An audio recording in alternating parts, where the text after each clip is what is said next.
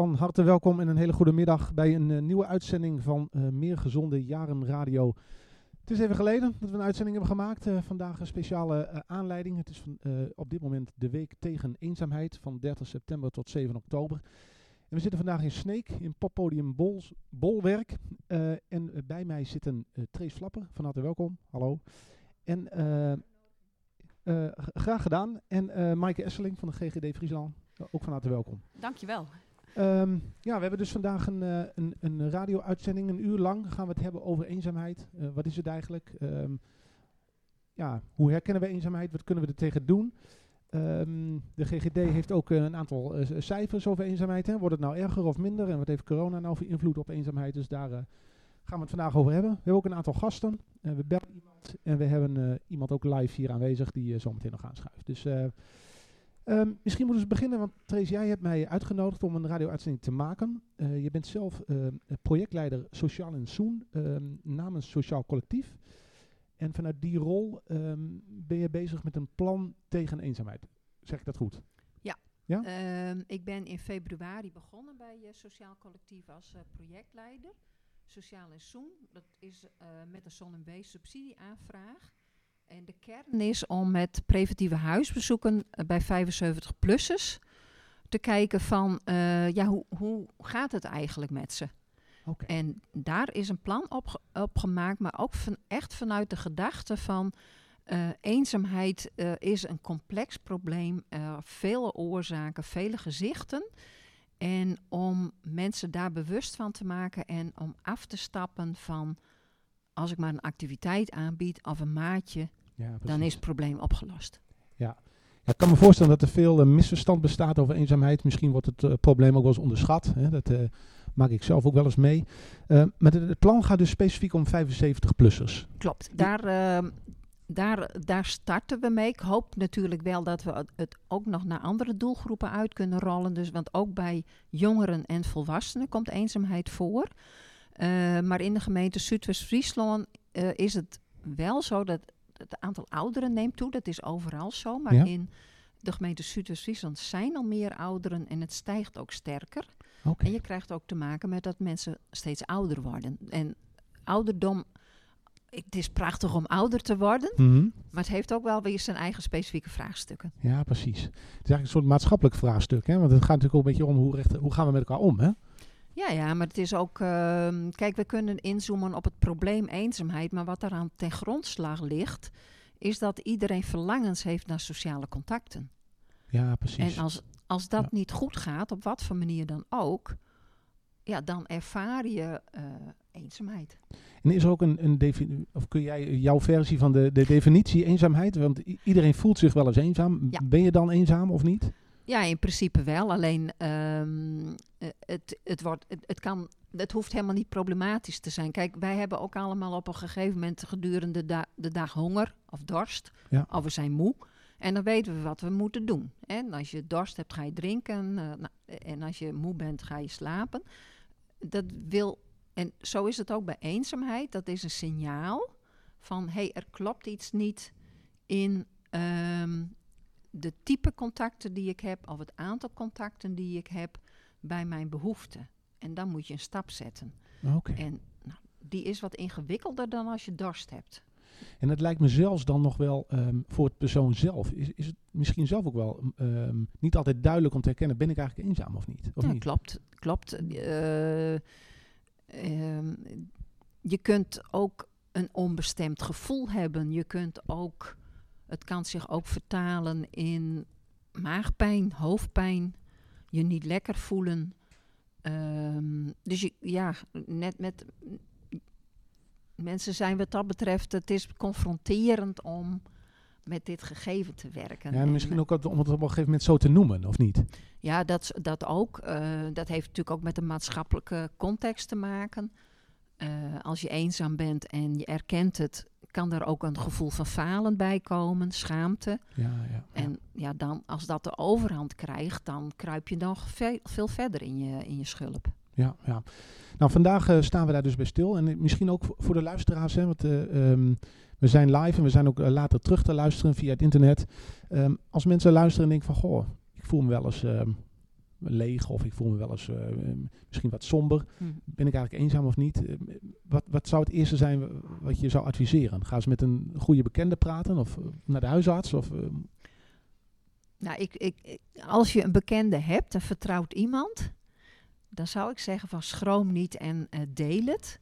Ehm, en vraag ook aan de ander wat je, of zeg ook te- aan de ander wat je nodig hebt. Dus luister alleen en kom niet met ongevraagde adviezen. Ga niet invullen. Ga het niet eh, zeggen van het valt allemaal wel mee. Eh, dus het is ook goed dat mensen leren om gewoon eh, t- datgene te verlangen aan, aan de ander en dat ook uit te spreken. ja, precies. Ja. Oké. Ehm, en bij ons zit ook Maaike. van harte welkom nogmaals. Hè. Ehm, eh, jij werkt voor de GGD Friesland. Hè? En de GGD heeft natuurlijk inzicht in eh, nou, de cijfers, eenzaamheid. eh, neemt dat toe, neemt dat af. Eh, kun je daar iets over zeggen? Neemt het inderdaad toe? En, en het verzoek trouwens om goed in de microfoon te praten. Dank je. Nou, ne- neemt dat toe? Ja, we zien, zien afgelopen jaren, hè, dan hebben we het wel over tientallen jaren, zien we dat wel toenemen. Ehm, en ja, wat precies de reden daarvan is, kunnen we lastig duiden. Oké. Ehm, maar we meten dit, ja, dat het wel toeneemt. En, en wat je net ook al zei, in coronatijd zien, we, zien wij niet per se in de monitor. eh, want we kunnen dat niet op die manier duiden. Oké. Eh, want wij doen één keer per vier jaar onderzoek onder volwassenen, hebben we het nu dan over. Ehm, en we kunnen niet de cijfers die we hebben nu relateren aan corona. Ehm, maar we kunnen wel zien dat eh, ja, eenzaamheid toeneemt, oké. landelijk gezien. En is het zo, de- even, even nieuwsgierig, hè, de, de, de wordt dus onderzocht één keer in de vier jaar. Gaat dat via een vragenlijst? En wordt dan gevraagd, bent u eenzaam, ja of nee? Of, eh, hoe? Ja, ja, Ja? Ja. nee, dat wordt eh, niet zo gevraagd. Dat wordt gevraagd zoals uh, Trace net ook uitlegde. Ehm, eh, er is een, een eh, vragenlijst van ongeveer elf vragen volgens mij, of zeven vragen, ehm, over hoe ervaar je je sociale contacten eigenlijk, eh, die, waaruit we kunnen afleiden of iemand eh, zich eenzaam voelt. Oké.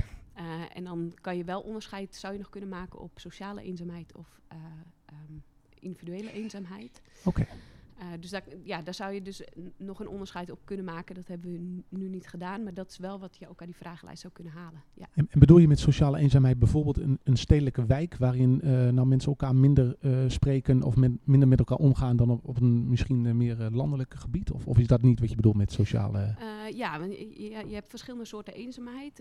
Het missen van een één vaste partner eigenlijk in je leven. Of iemand waar je echt heel erg mee verbonden voelt.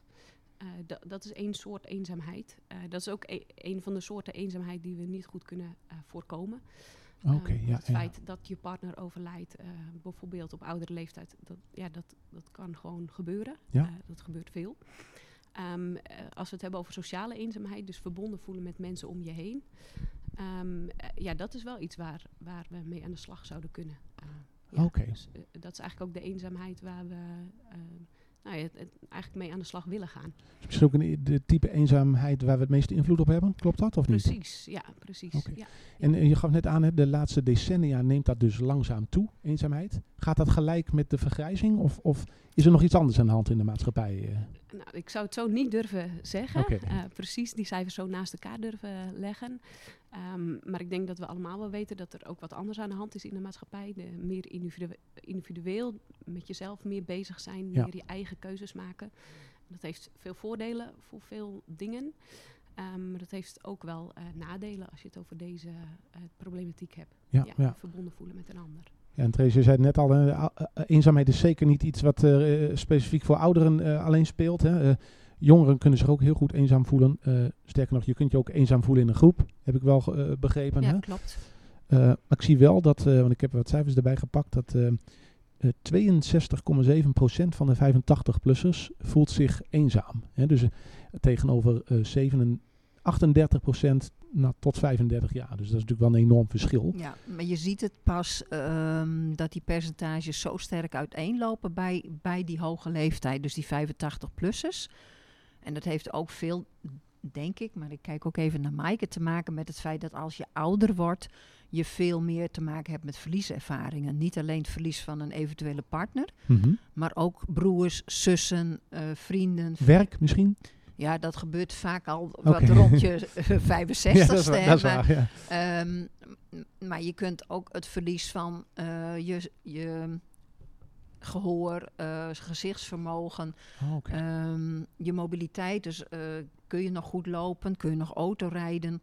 Ehm, dus die ouderdom, ik, ik denk, maar ik wil eigenlijk niet een negatief beeld van ouderen hier neerzetten. nee, precies. Daar krijgen we het volgens mij nog wel over. Maar eh, je kunt er niet omheen dat, dat er wel sprake is van meer verlieservaringen naarmate je de leeftijd vordert. En ehm, zou je kunnen zeggen dat we met elkaar daar on- ons misschien onvoldoende op voorbereiden, op zo'n verlies? En dat dan de klap in één keer, of, of kun je dat, is dat niet zo op die manier te zeggen? Nee, dat zou ik zo niet willen duiden. Eh, wat je ehm, wellicht wel zou kunnen zeggen is ehm, dat het lastig is om over je gevoelens van gemis te spreken. ehm, en dat de ander alleen maar luistert zonder dat er iets overheen komt van... ach, maar je hebt dit nog wel, of je hebt dat nog wel. Of dat het zeg maar wat genegeerd wordt of ja, eh, er een, een, ja, wat een deken overheen gelegd wordt. Ja. En dat maakt eigenlijk dat mensen zich daar eenzaam in voelen. Van, want waar moet je dan met je verhaal naartoe? ja, precies. Eh, ik was gisteren op een lunch, ook in het kader van Week tegen Eenzaamheid. En de meneer zat tegenover mij. Zijn vrouw was drie jaar geleden overleden. Ehm, nou, dan vraag ik even door van hoe gaat dat nu? En dan pakt hij de dingen wel weer op. Maar ik zei, nou, maar u blijft uw vrouw natuurlijk wel missen. Ja, de, met, met zo'n opmerking geef je wel ruimte aan het feit dat dat gemis er gewoon altijd is. En ik denk dat dat voor eh, iemand belangrijk is, dat ook daar, eh, dat je dat ziet en hoort, zeg maar, en daar eh, erkenning op hebt. Ja, precies. Oké. En misschien nog even een laatste vraag over de, de, de ontwikkeling in eenzaamheid. Maaike, een vraag voor jou. Is eenzaamheid ge- gelijk verdeeld over de maatschappij? O- ook geografisch, maar misschien ook hoog laag opgeleiden? Uh, Uh, nee, zeker niet. Um, ja, ik heb hier de cijfers er wel bij. Um, als je naar leeftijdsgroepen kijkt, uh, zie je in de leeftijdsgroep van 18 tot 34 jaar de Friezen, gaat het dan over. mm -hmm. uh, zie je dat ongeveer 42 procent uh, eenzaamheid ervaart. Oké. Okay, ja. um, en uh, nou ja, als je dan een beetje de middenleeftijdsgroep van 35 tot, tot ongeveer 50 jaar bekijkt, is dat ongeveer 39 procent. En dat is echt wel lager als het, als het gemiddelde over de hele volwassen okay. populatie. Ja. Dus dan daalt het eigenlijk wat. Uh, dan trekt hij weer wat op naar het gemiddelde, nou ongeveer 42 procent, tot, nou ja, totdat je met pensioen gaat ongeveer, 64 ja. jaar. Nou, en dan zien we interessant genoeg dat dan ongeveer uh, 39 procent, dus echt wel minder als het gemiddelde van de Friese zich uh, eenzaam voelt, tot uh, ongeveer 74 jaar. Dus die leeftijdsgroep 65 tot 74 is, voelt zich minder eenzaam. Oké. Okay. Um, en dan na 75 jaar, wat je net ook al noemde, dus vanaf 75 zien we echt wel uh, enorme toename van eenzaamheidsgevoelens. Ja. Naar 48% van de Friezen. Oh, Oké, okay. dat is wel een um, grote. Uh, en ja. dat is dan ook de reden voor jou, Trace, om, om je vooral op deze groep in eerste instantie te richten. Ja, ja? en zeker ja, ook voor de gemeente om, uh, om juist met deze doelgroep te beginnen. Ja. ja. En wie, wiens uh, rol of taak is het eigenlijk om hier iets aan te doen? Is dat de, de, de, de taak van de gemeente? Goeie vraag.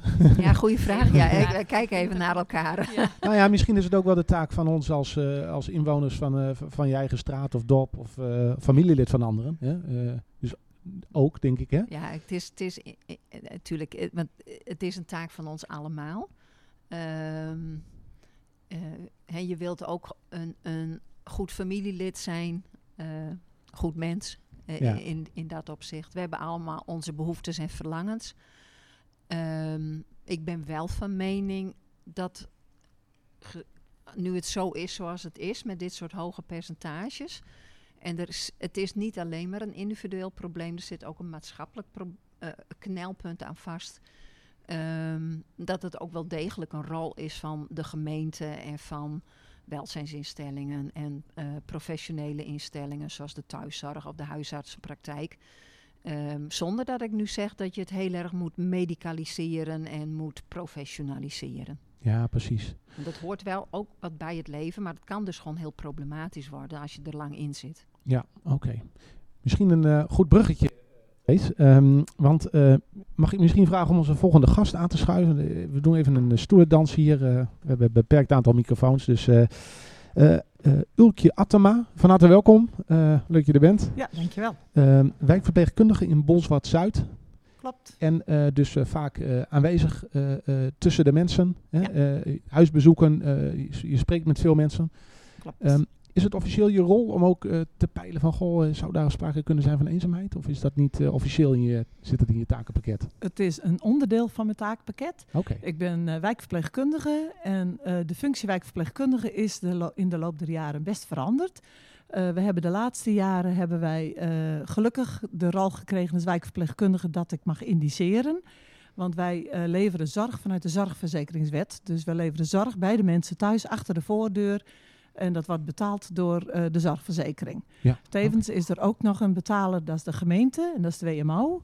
En eh, ja, ik werk eigenlijk met allebei. Nou, dan eh, hebben we ook nog de huisartsen, waar we korte lijntjes mee hebben. Maar als wijkverpleegkundige is mijn taak om te inventariseren wat er met de mensen aan de hand is. Wij kunnen zorgvragen krijgen vanuit het ziekenhuis, of van de familie zelf, of vanuit de gemeente. Maar we hebben ook mensen met het niet-pluisgevoel. En eh, als een huisarts bij mij komt en die zegt: Goh, wil je daar eens kijken? Ik weet niet precies wat er aan de hand is. Medisch gezien is het voor mij niet helemaal duidelijk. Dan mag ik een huisbezoek doen. En dan mag ik het ook als een preventief huisbezoek wegschrijven. Want ja, we zijn ook een organisatie waar ook eh, geld om gaat. Dus ik moet ook ergens mijn taken weg kunnen Ja, schrijven. Maar, maar dan bel je aan en zeg je, goh, ik, eh, ik ben getipt door de huisarts. Kom even kijken nee, of die wat pluis is. Nee, want we zitten ook nog zeker met AVG, dus dat is ook niet zo. Maar vaak komen we toch wel op een bepaalde manier bij mensen binnen. En ik zie dan toch ook inderdaad eenzaamheid. En eh, wat mijn voorgangers net ook al zeiden, die eenzaamheid komt ook ergens door. Hè? Als je ouder wordt, en mijn doelgroep is best wel veel ouder, of boven de 65 vaak, dan is er veel verlies geweest. Verlies van werk, verlies van vertrouwen, verlies van hun vertrouwde omgeving, verlies van eh, de partners om hen heen. En dat snap ik ook. En dat gaat dan ook gepaard met eenzaamheid. Wat vind ik nog leuk in het leven? Wat wil ik nog?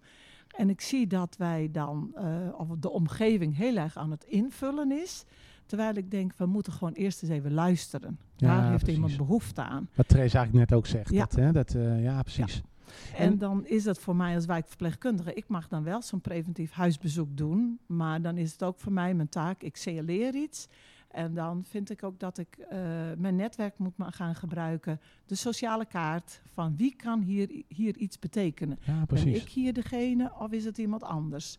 Misschien nog even voordat we daar even in- op ingaan. Is het moeilijk om eenzaamheid te herkennen bij mensen? Ja, het is zeker moeilijk om te herkennen, want ik zie sommige mensen, dan eh, hebben ze een week dezelfde kleren aan. Eh, niet geschoren, eh, ze eten niet goed.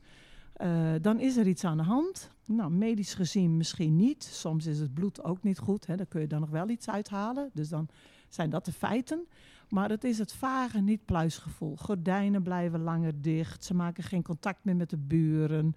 Ja, ja, ja. En dan is er toch degelijk wel iets aan de hand.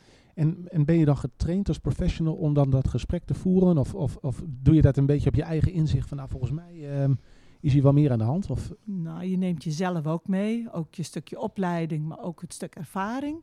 En wij hebben vier jaar geleden, toen die WMO erbij kwam en de wijkverpleegkundige mocht gaan indiceren, hebben wij als wijkverpleegkundigen allemaal een scholing gehad van eh, veel dagdelen.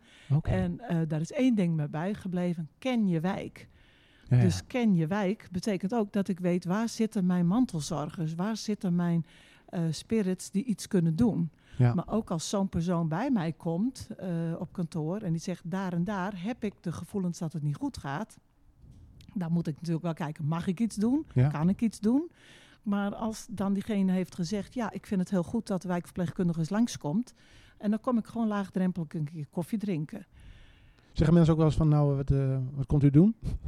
of de deur gaat eh, een klein beetje open en... Dat kan gebeuren, maar degene die het heeft aangekondigd, die heeft al gezegd, er komt gewoon even niemand ja, praten. En eh, als wij dan ook eh, toch het vertrouwen krijgen, dan heb je al iets gewonnen. En dan denk ik, ja, als iemand al maandenlang geen schone kleren aandoet, dan hoeft dat ook niet de eerste keer als ik daar kom. Ja, ik wil eerst ja. het vertrouwen van mensen hebben. Ik wil weten wat is er aan de hand. Hoe kan ik iemand helpen? Willen ze geholpen worden? En dan kun je samen een plan opstellen. En Therese zei net in het begin, hè, van de, de, de oplossing voor eenzaamheid is niet per se even een kopje koffie drinken of een activiteit deelnemen. Stel dat je dan eenzaamheid herkent ergens. Hoe, hoe verwijs je dan door binnen die sociale kaart? Want Lijkt me best wel ingewikkeld. Eh, zeker als er iets onderliggends onder zit, hè? Nou, mijn valkuil zal zijn dat ik met oplossingen kom, want dat is het makkelijkst voor een zorgverlener. Ja. Maar je moet juist luisteren naar mensen. En als iemand gewoon zegt, dit wil ik niet, dan moeten wij dat ook accepteren. Mhm. Als er geen gevaar voor hunzelf of hun omgeving zijn, dan moet ik dat accepteren. Ook al is het niet een huishouden wat normaal voor onze standaard is. Dus dat vind ik een eerste eis. Eh, ondertussen kun je wel in het gesprek aangeven, of als je vaker komt, van wat zou u fijn vinden, dit zou ik aan kunnen bieden, dit zijn de mogelijkheden en wat past bij u. Maar dan moet je ook niet eens alleen deze persoon, dan moet je ook de familie of buren of een netwerk eromheen erbij betrekken. En eh, dat, Dat, is ook jouw tijd. rol om, om dat te Ja. organiseren. Ja. oké. Ik eh, zit ook dicht bij de huisartsen. We zitten dicht bij de gemeente, bij de WMO. Nou ja, ik heb ook contact met Trace. En eh, ja, dan kun je in jouw buurt kun je best wel iets bereiken. En ik werk dan in Ja. Maar er zijn ook andere buurten. Dus iedere buurt is ook weer anders. Ja, precies.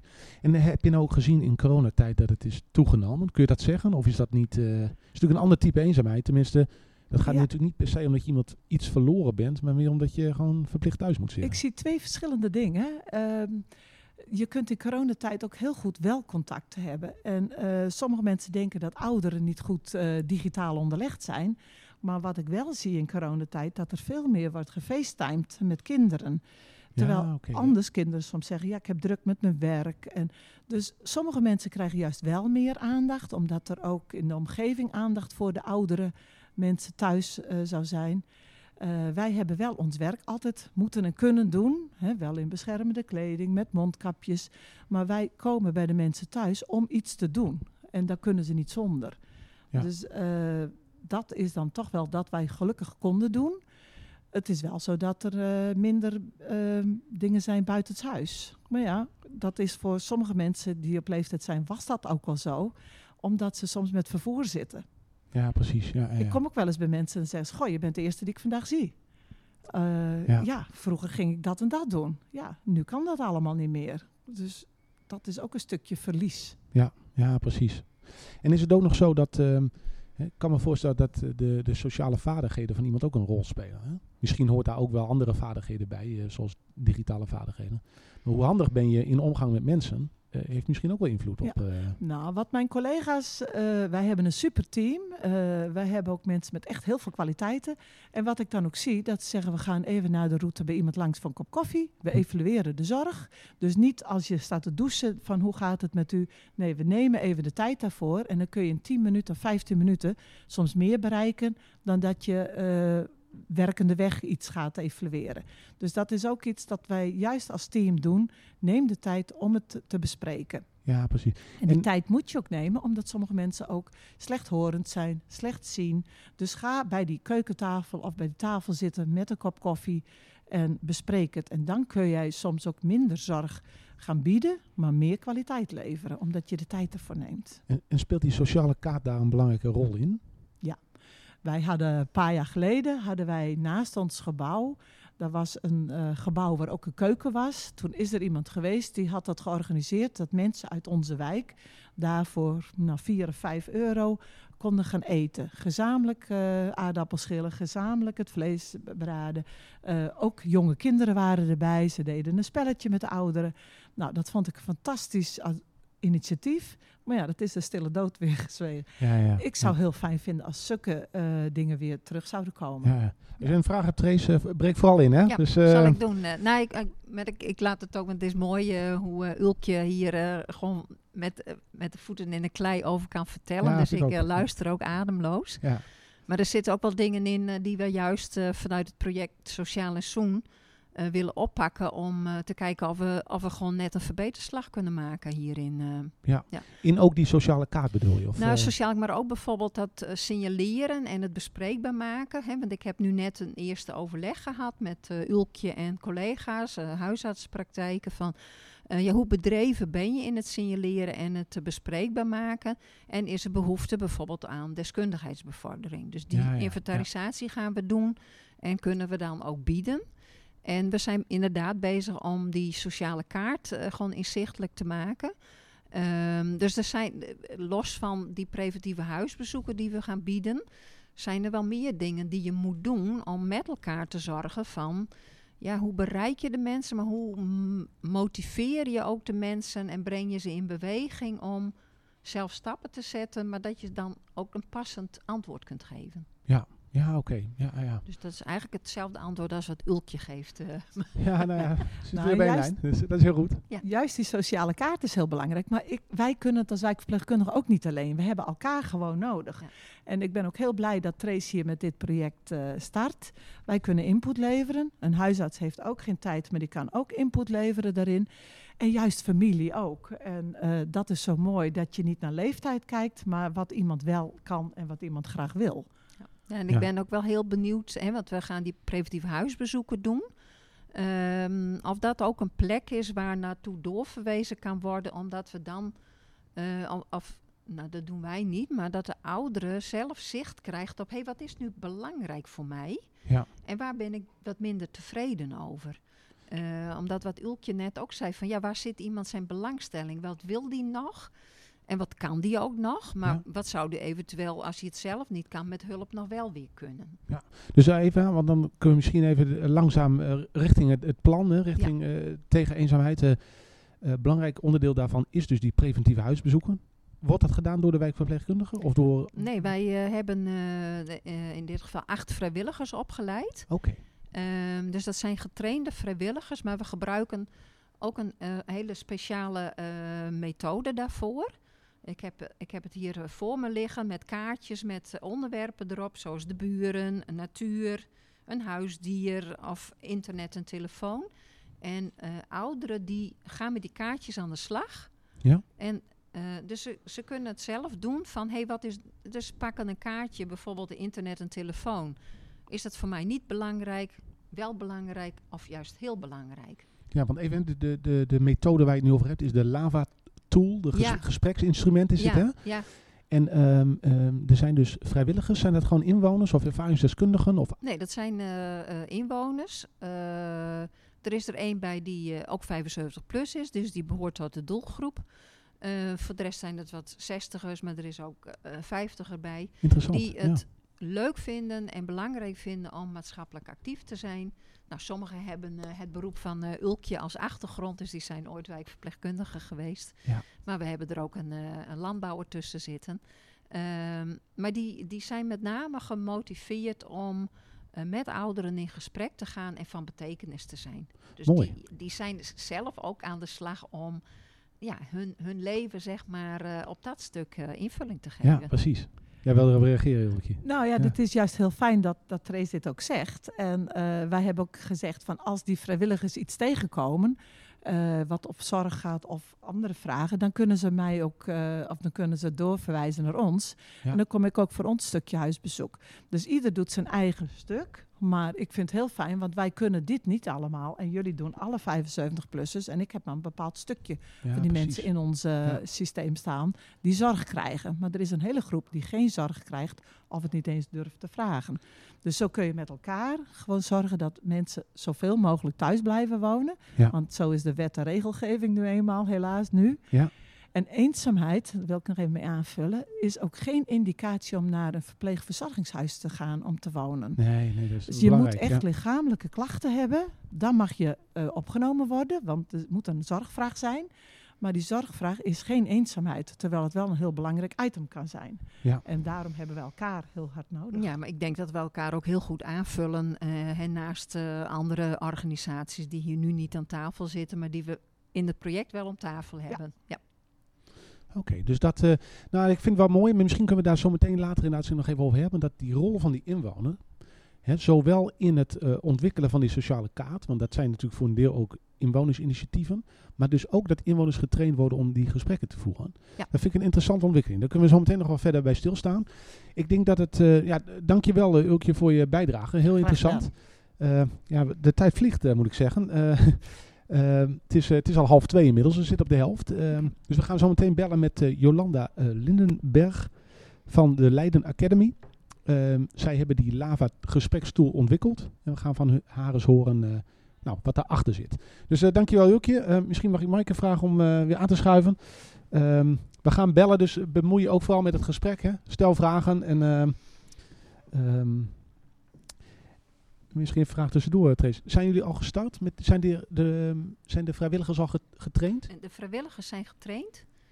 Eh, maandag krijgen ze nog een instructiebijeenkomst. Dus we staan in de startblokken om echt Ah. naar start te gaan. Maar ik heb zelf een paar proef, proefgesprekjes gevoerd. eh, Oké, ja. dus ze zijn er klaar voor. Ja, ja, ja. Oké. En zijn ze getraind door de Leiden Academy ook? Eh, ja, die hebben dat dan weer uitbesteed aan een ander bureau. Maar in principe door de Leiden Academy. Ja. Oké, je moet er nog bij zetten, zeggen Leiden Academy eh, on Vitality and Aging. Wauw. Moest ik er nog even bij zeggen. Dus eh, hierbij gedaan.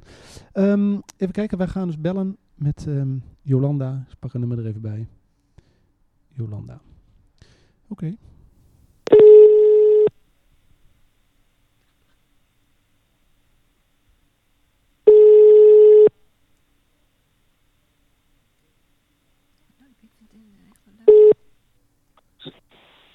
Hallo met Jolanda. Dag Jolanda, met Nick van Hey, welkom. Je zit, goeiedag. eh, je zit live in de uitzending. Hallo. Hallo, helemaal leuk. Bij, eh, nou, ik zit hier met, eh met Maaike en met Trace. Hè. We maken dus een uitzending vandaag over eenzaamheid. En, ja. Ja. en we hebben net wat gehoord over wat is eenzaamheid eigenlijk en hoe herken je eenzaamheid. En we zijn net eigenlijk aanbeland bij het onderwerp ja, het in gesprek gaan met, met ouderen over, nou ja, ehm, ehm, over eenzaamheid eigenlijk. En ehm eh, Trace noemde net de gesprekstool eh, van de, de Lava Tool, hè, dat gespreksinstrument. En die is ontwikkeld Ja. ehm, door jullie, door de Leiden Academy. Ja, dat klopt. Die is inderdaad ontwikkeld door de Leiden Academy. Ehm, en het is een heel. ehm, ja, eigenlijk hebben we het samen met ouderen ontwikkeld, dit gespreksinstrument. En het eh, gaat er heel erg over, over het zien van mogelijkheden. Ehm, en het eh, ontdekken welke wensen mensen nu hebben en welke verlangens en behoeftes er nu op dit moment belangrijk zijn voor ouderen. Oké, en eh, mag ik vragen, de, de Leiden Academy, is dat een soort Ja. expertisecentrum rondom eenzaamheid? Of, of zijn jullie er voor de ouderen? Hoe, hoe, eh, Wij zijn er voor. Nee, nee we, zijn nu, we zijn niet over de eenzaamheid hoor. Nee, niet specifiek. Ehm, wij zijn een kenniscentrum in het midden van het land in Leiden. En wij houden ons bezig met ouderen en vitaliteit in de, in de brede zin van het woord. En ehm, we hopen eraan bij te dragen om ja, eh, ja, toch de kwaliteit van leven van ouderen te verbeteren. En eh, ja, een van de thema's die we daarbij hebben zijn dus die wensen en eh, ambities van ouderen. Om te kijken van ja, hoe willen mensen eigenlijk ouder worden en wat is daarin belangrijk. En eh, ja, eh, niet alleen uit ons onderzoek, maar ook uit ander onderzoek eh, spreekt dan heel duidelijk dat sociale relaties eh, daar echt een heel belangrijk onderdeel in zijn. Ja. En dit, gespreksinstrument hebben we eigenlijk ontwikkeld om mensen na te laten denken over hoe wil ik nu ouder worden en wat is daarbij nu echt belangrijk. En hoe tevreden ben ik daarover? En wil ik misschien nog iets eh, veranderen of in de toekomst nog iets nastreven in die wensen en ambities? En hoe ga ik dat doen? Ehm, en eh, gaandeweg ehm, is het instrument ook gebruikt door eh, zorg- en welzijnsmedewerkers om het gesprek te voeren met ouderen over hun, eh, ja, hun levenstevredenheid en hun wensen en ambities. Oké, en dat, dat klinkt hartstikke interessant. En is het zo dat die gesprekstoel ook ontwikkeld is voor diezelfde professionals oorspronkelijk? Nee, hij is, eh, hij is eigenlijk eh, voor en eh, met ouderen ontwikkeld. We hadden dus eerst onderzoek gedaan naar de wensen en ambities van ouderen. En in groepsgesprekken met ouderen vertelden ze eigenlijk van ja, ik heb hier eigenlijk nog nooit over gesproken. Ik heb hier ook nog nooit bij stilgestaan, terwijl het best wel een leuk gesprek is. Mag ik de bevindingen meenemen naar mijn kinderen? Dus we dachten, nou, daar moeten we eigenlijk iets op verzinnen. En ehm, ja, samen met ouderen hebben we toen dit gespreksinstrument ontwikkeld. Eh, dus we hebben gekeken van, nou, wat is nou een goede manier om, eh, om dit gesprek op te zetten? Welke eh, materiaal moet het dan zijn en hoe moet het gaan? En toen we dat eenmaal af hadden, toen kwamen er met name zorg- en welzijnsprofessionals van, joh, mogen wij dat ook gebruiken? Toen zeiden we, nou, dat mag natuurlijk. ja. Maar die bleken wel iets meer hulp nodig te hebben bij het gesprek voeren. Oké, oké. Want? Nou, wat je toch merkt is, kijk, eh, zorg- en welzijnsmensen zijn mensen met echt passie en een hart voor ouderen. Dus die willen heel graag helpen. Eh, en dan zie je toch dat in het gesprek eh ze toch wel geneigd zijn om, om het een beetje over te nemen. En alles aan te bieden wat er mogelijk is en te proberen te helpen. Uh, terwijl het idee achter de wensen en ambities is echt dat het vanuit de ouderen zelf uh, gaat. Uh, dat zij dus zelf gaan bedenken van nou, wat vind ik nu echt belangrijk en waar wil ik dan mee aan de slag? Ja. En hoe ga ik dat doen? wat is dan mijn eerste stap? En wie heb ik daarvoor nodig? En dan kan het zomaar zijn dat dan een zorg- en welzijnsprofessional daar weer op inspringt. Maar het gaat echt vanuit de ouderen.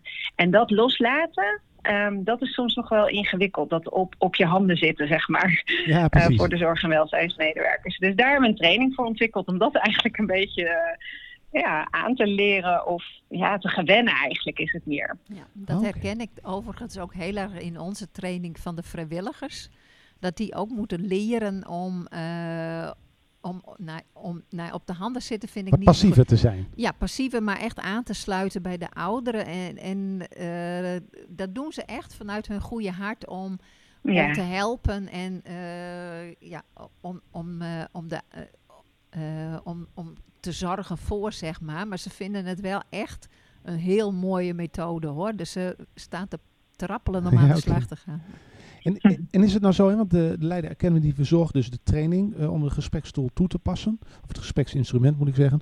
Uh, is het zo, stel nou dat iemand zit te luisteren naar deze uitzending en denkt, goh, ik zou dat eigenlijk in mijn eigen omgeving uh, ook wel willen kunnen. Of ik, kunnen mensen zich ook individueel aanmelden? Of moet dat via een, een organisatie? Of, nou, wij, wij verzorgen zelf niet meer de training. En wij doen wel de ontwikkeling van het instrument. Dus we zijn op dit moment bezig met een uh, mindertalige versie van het instrument. Uh, maar de trainingen worden nu verzorgd door Van Loveren en Partners. Uh, en dat is eigenlijk omdat, omdat we gewoon te veel vraag kregen. En wij okay. zelf niet een hele sterke trainingsorganisatie zijn. Uh, daar hebben we de capaciteit niet voor. Uh, dus als mensen geïnteresseerd zijn in een laventool in de training, dan zou ik zeggen, neem vooral contact op met Van Loven. Sandra van Duren is daar uh, degene die daarover gaat. En als u meer geïnteresseerd bent in de achtergrond van het lava, dan, dan kun je altijd contact met me opnemen. Dat kan sowieso natuurlijk. Oké. Okay. Misschien wat ik, wat, wat ik nog wel interessant vind, hè, want als ik het goed begrijp, wat een van de belangrijkste um, ja, leer leerpunten uit, deze, uit, de, uit, dit instrument is, is dat, dat het vooral gaat om het luisteren. Hè? Dat zeg ik goed, toch? En vooral de, de, de ouderen zelf uh, laten invullen, wat vind je belangrijk in het leven, wat zou je willen, wat zijn je belemmeringen. Klopt dat? Ja, ja dat klopt. Dat is een van de belangrijkste dingen, ja.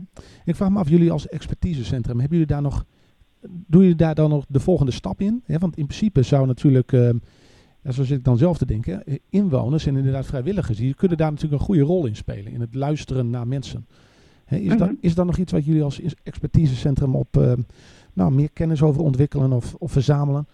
Wat de rol van de inwoner kan zijn in het oplossen of bijdragen in, het in de oplossing van dit probleem?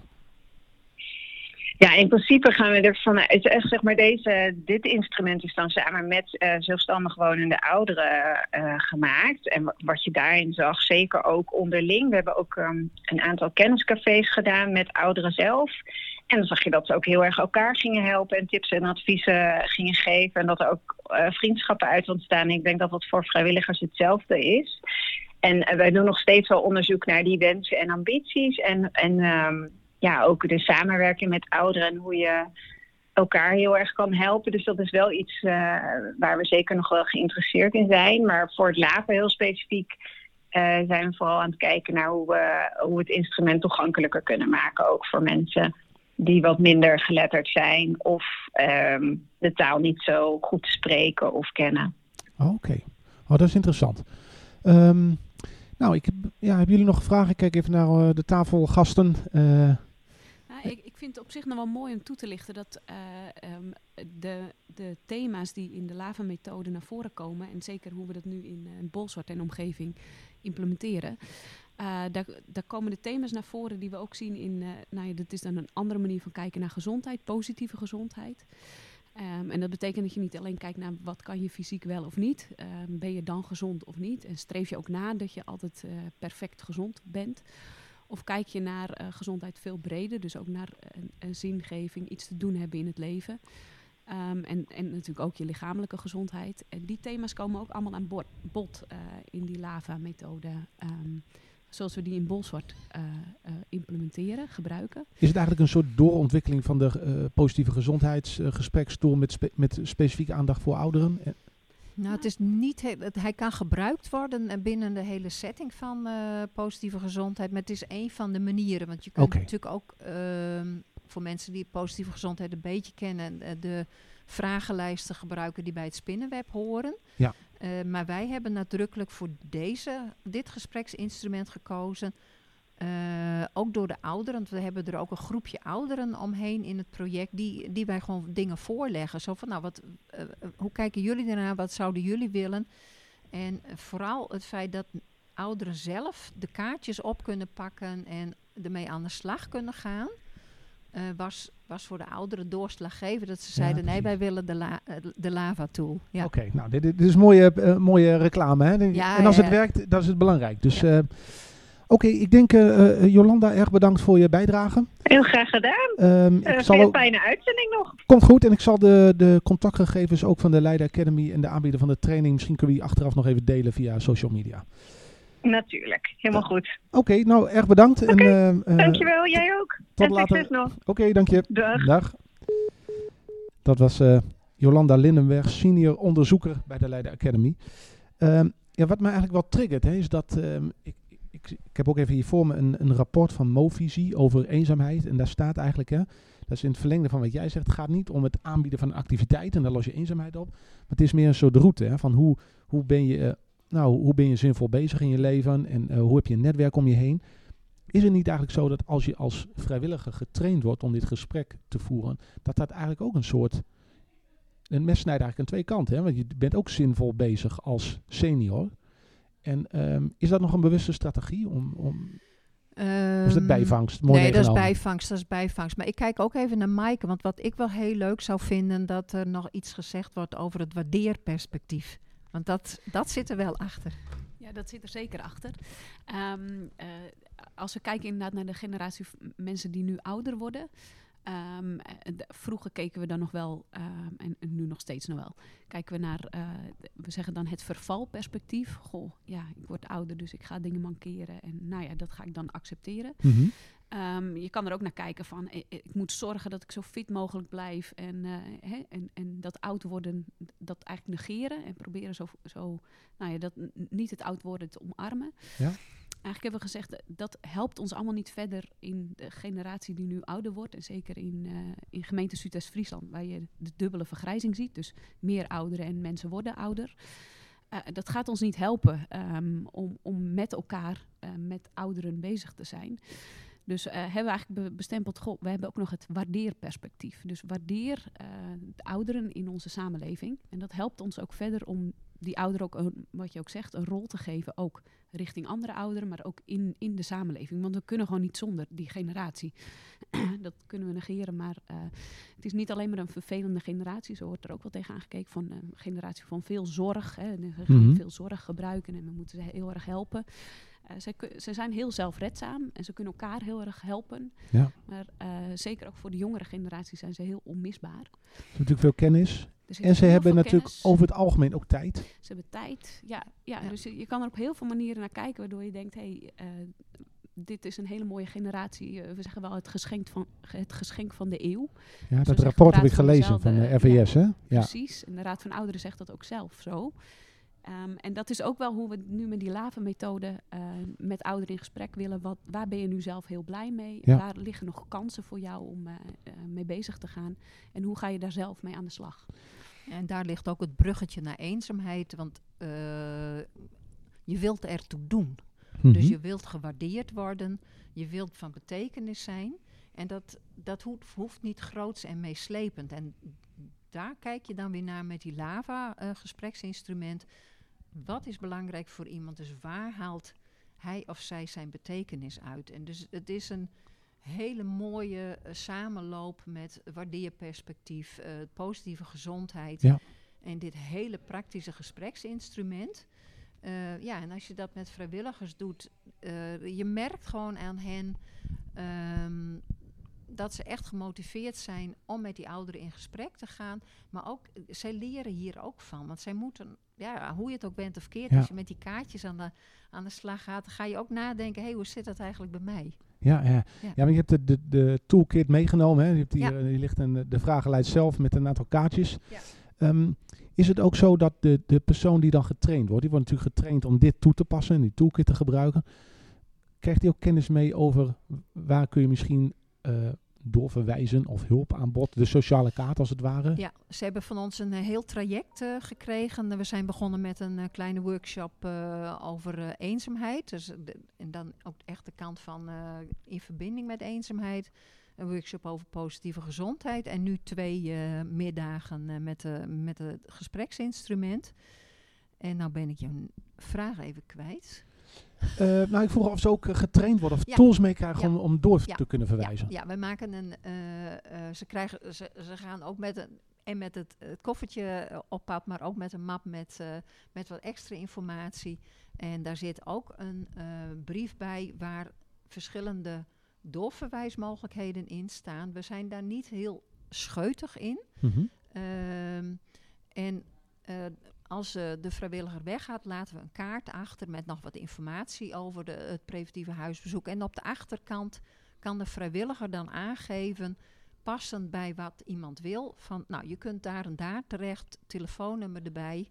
En we bieden nog een uh, napraatbijeenkomst aan samen met uh, Cultureel Kwartier, acte 2. Oké. Okay. Um, nou, dan kunnen ze elkaar ontmoeten, maar ze kunnen ook kennis maken met, uh, met culturele creatieve activiteiten. En ik hoop ook dat Sport Friesland erbij is met hun beweegactiviteiten. Ja. Dus we bieden wel wat een, een opvolging. Um, maar het is ook wel heel nadrukkelijk de bedoeling om ouderen zelf in beweging te zetten van op zoek gaan naar. En voor wie het niet kan, helpen we uiteraard. Ja, dus er zit, het is ook voor ons wel spannend om het zo te doen. Ja, ja het is wel een van de. Want ik, ik uh, ken een student die heeft een onderzoek gedaan na dat rapport van RVS over hoe, hoe, zet je, hoe kun je misschien. Hoe kunnen mensen na hun pensioen uh, maatschappelijke waarde toevoegen aan de maatschappijen? Uh, eigenlijk kwam er uit het onderzoek naar voren dat er geen enkele gemeente is die daar een, een plan op heeft of een strategie voor heeft ontwikkeld. Dit is eigenlijk een van de eerste voorbeelden die dat misschien in de praktijk brengt. Hè? Tenminste, wat ik ken. Dus ik, heb je nog een soort stip op de horizon, Trace? Uh, of, of zou je graag de eenzaamheid in kaart willen brengen van wat zit daaronder en ben je dan tevreden? Of, Nee, dan, dan ben ik niet tevreden. ik ben tevreden op het moment dat, dat wij als samenleving in staat zijn om, uh, om wat meer echt naar elkaar te luisteren. Oké. Okay. En uh, ja, de, dus dat is wel ook een persoonlijke drive. Uh, dat het invullen voor een ander, het klaarstaan met goede adviezen. En um, als iemand het moeilijk heeft om daar toch een deken over te willen leggen, omdat het best confronterend is. Dus ja, ik snap okay, het allemaal ja. wel, maar ik zou het echt heel mooi vinden als we daar ook mede door uh, zo'n project Sociaal en Zoen gewoon weer een stapje dichterbij komen, dat we met z'n allen uh, gewoon uh, naar elkaar luisteren. Ja, dat vind ik wel een mooie boodschap voor onze luisteraars ook. Ja, hè? Dat kan iedereen, potentieel hè, dan. um, ja, dat vind ik wel een mooie, een mooie boodschap. Zijn er nog dingen die we niet hebben besproken of zijn er nog dingen die we waar nog bij stil moeten staan? Nee? Want op zich, we, we hebben dus al eh, ongeveer een uur op zitten. Dus we gaan uh, zo lang naar het einde van de uitzending. Um, nou, misschien even, want uh, uh, het project, want we, doen dit vanuit Sociaal Collectief. Uh, de gemeente zit erbij, de GGD zit erbij. Ik noemde net Cultureel Kwartier al, hè, um, maar ook Sport Friesland is betrokken, bibliotheek is betrokken. En inmiddels zijn ook de huisartsenpraktijken aangehaakt. Thuiszorg, thuiszorg Zuidoost-Friesland, waar Ulkje dan werkt. En Patina en Home Instead. Dus we proberen ook echt een netwerk op te bouwen van organisaties die hier betrokken zijn. En ik vergeet uiteraard helaas de ouderen, want die, daar gaat het om, maar die zitten echt aan de voorkant van dit project. Ja, ja, ja. Um, en we doen het in het noorden, noordelijk gedeelte van de gemeente. Dus we, we zitten niet in de hele gemeente. Dus het is in die zin nog wel uh, ja, ook, een, ook een pilot. Ja. Um, maar ik hoop, ja, we, we hopen dat dit een succes is. Er zit ook evaluatie achter. En dan, uh, nou, dan met die resultaten uh, kunnen we kijken of we het over de hele gemeente verder uit kunnen rollen. Ja, ik ben heel nieuwsgierig. Ik, ja, ik, ik, uh, ik, ga het sowieso volgen. En wij hebben natuurlijk al eerder contact hierover gehad. En het inspireert mij erg in mijn werk wat ik in Leeuwarden doe. En dus ja, eigenlijk zijn er twee dingen blijven hangen. Vooral vandaag is dat aan de ene kant dus goed naar elkaar luisteren. Dat kan ook als familielid of als buren of als uh, professional. Hè. En um, ja, toch ook wel het feit dat dus inwoners een rol krijgen in dit soort maatschappelijke thema's. Dat vind ik wel een mooie ontwikkeling. En uh, dat mes snijdt aan twee kanten. Dus volgens mij is dat, uh, nou, dat blijft mij in ieder geval bij. Dus, nou, als er geen vragen of opmerkingen zijn, dan zou ik zeggen, nou, ontzettend bedankt voor deze uh, uitzending. Uh, de tijd is gevlogen, wat mij betreft. Ja, zeker. Graag gedaan. En ook bedankt voor je, je, leuke vragen en ieders bijdrage van nou, Mike en Ulkje en Jolanda. Met plezier. Graag gedaan. Dan draai ik nu als laatste nog een nummer van een, een artiest die ik in Leeuwarden heb ontmoet, Rinke Schroor. een, een echte Friese muzikant. En nou ja, zijn nummers, we hebben toestemming om zijn nummers te draaien. Dus we sluiten af met een nummer van hem, het nummer Childhood. bedankt en dan graag tot de volgende keer. Dankjewel.